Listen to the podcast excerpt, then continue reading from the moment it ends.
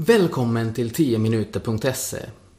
Detta avsnitt är skapat av mig, Lasse Mattila, och handlar om relationens betydelse och roll i skolans uppdrag för våra utsatta barn och ungdomar. Stå kvar fast jag skriker åt dig att gå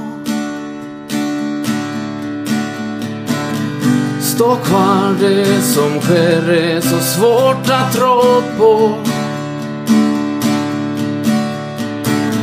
Stå kvar, jag behöver någon som förstår det som klyver mitt hjärta i två.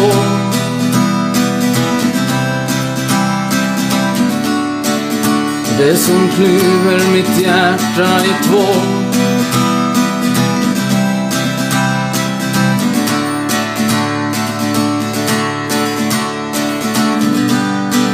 Genom ett landskap utan en gräns Utan drama som inte ger vika. Till den plats där nu tystnaden bränns Och kärleken får en att skrika. För varje strid som du tar Biter rädslan tillbaka fast jag skriker åt dig att gå.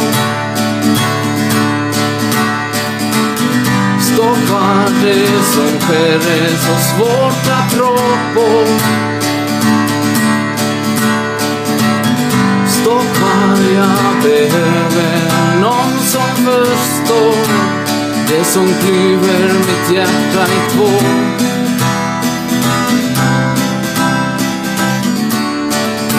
Det som klyver mitt hjärta i två.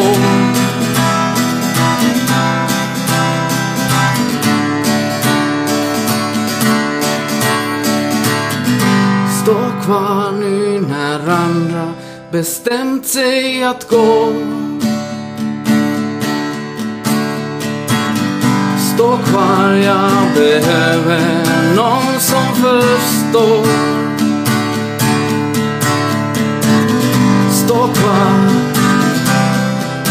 Du än står För jag vill inte att du ska gå.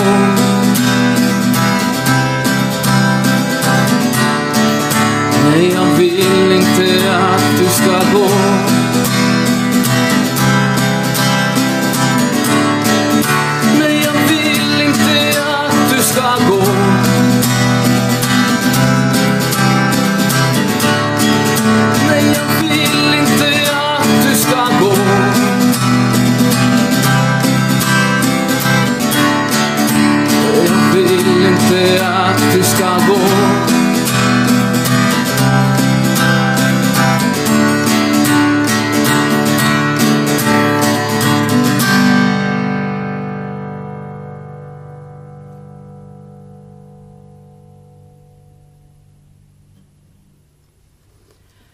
När jag var två år gammal så dog min pappa.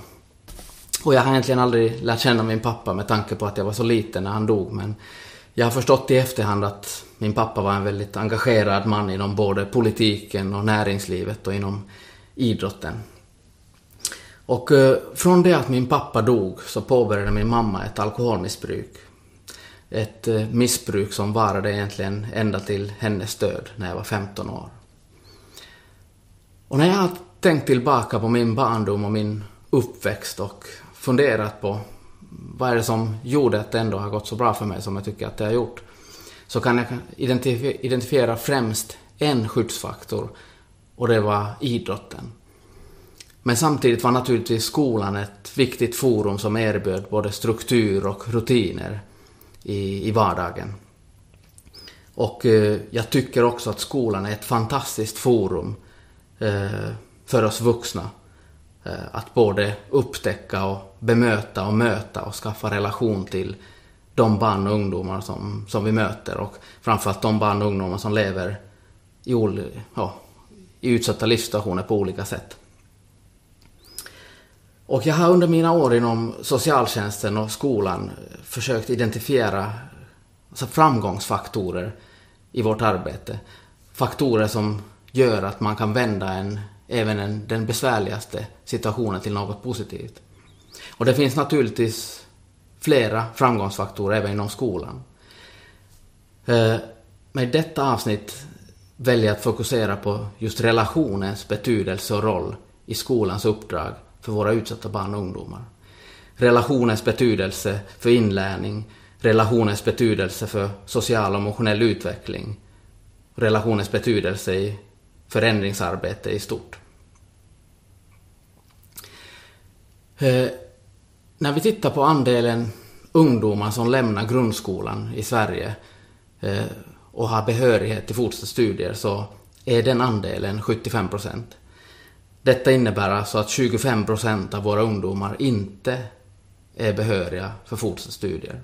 Och det är också en grupp som eh, är, är, kanske kan finnas i någon form av riskzon för framtida utanförskap.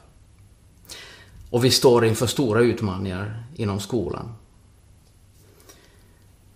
Jag tror inte att vi kommer att klara av dessa utmaningar enbart genom att fokusera på ämnesundervisningen. Utan vi måste se på vårt uppdrag utifrån ett mycket bredare perspektiv. Eh, som även innehåller utvecklandet av våra barns och ungdomars sociala och emotionella färdigheter.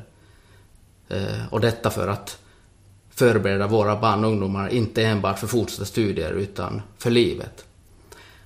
Och i detta, just i den delen av vårt uppdrag ser jag relationens betydelse som central.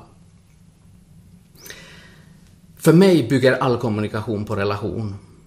Och som jag sa så är relationen central om vi, om vi ska kunna skapa kompenserande skyddsfaktorer för de av våra barn och ungdomar som har olika riskfaktorer i sina liv. Och jag har under åren mött åtskilliga barn och ungdomar som på olika sätt levt i utsatta livssituationer. Och när jag har fått ta del av deras livshistorier eh, så har jag märkt att de allra flesta av dem har haft något gemensamt.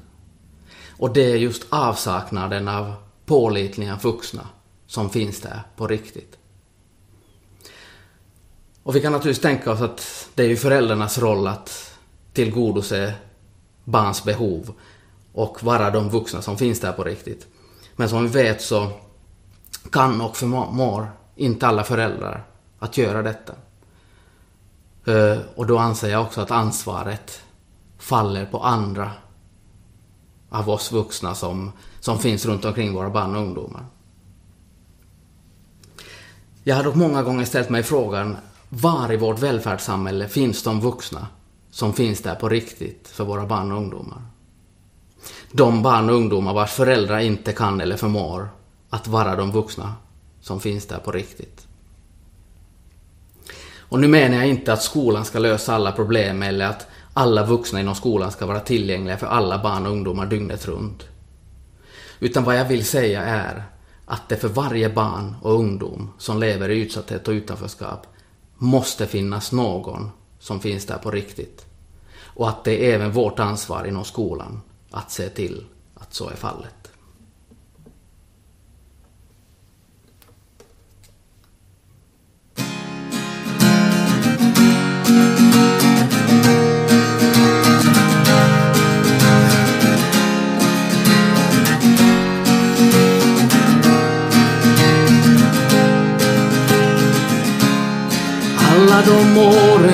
Gått med brutna löften och slagen du får. Med de hårda orden av de som ska älska dig mest. De sitter nu som knivar i dig. För ingen har skyddat dig. Och alla de människor du mött som tänt ett hopp som sen återföll så många som svikit på vägen som aldrig tagit sig tid att se hur det egentligen är. Så många som blundat för det. Men det förtroende du gav mig den natten då du ringde när allting hade rasat ihop gör att jag finns här på riktigt. Jag finns här, du kan lita på mig. Ja, jag finns här på riktigt. Jag finns här när helst du behöver mig. Ja, jag finns här på riktigt. Jag finns här på riktigt för dig. Du sa att det enda du vill ha är ett hem med värme av kärleken. Och någon som vill ta sig dit och som bryr sig om hur det var, hur det är och hur det kommer att bli. Som kan väcka hoppet till liv. Och jag vill att du alltid ska minnas det jag sa till dig den natten då allting hade rasat ihop. Att det finns här på riktigt. Jag finns här, du kan lita på mig. Ja, jag finns här på riktigt. Jag finns här när helst du behöver mig. Ja, jag finns här på riktigt. Jag finns här på riktigt för dig.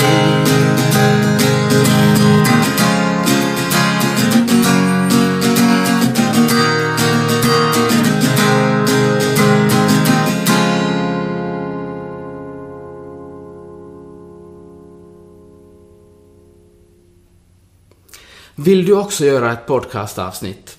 Gå in på 10minuter.se och se hur man gör.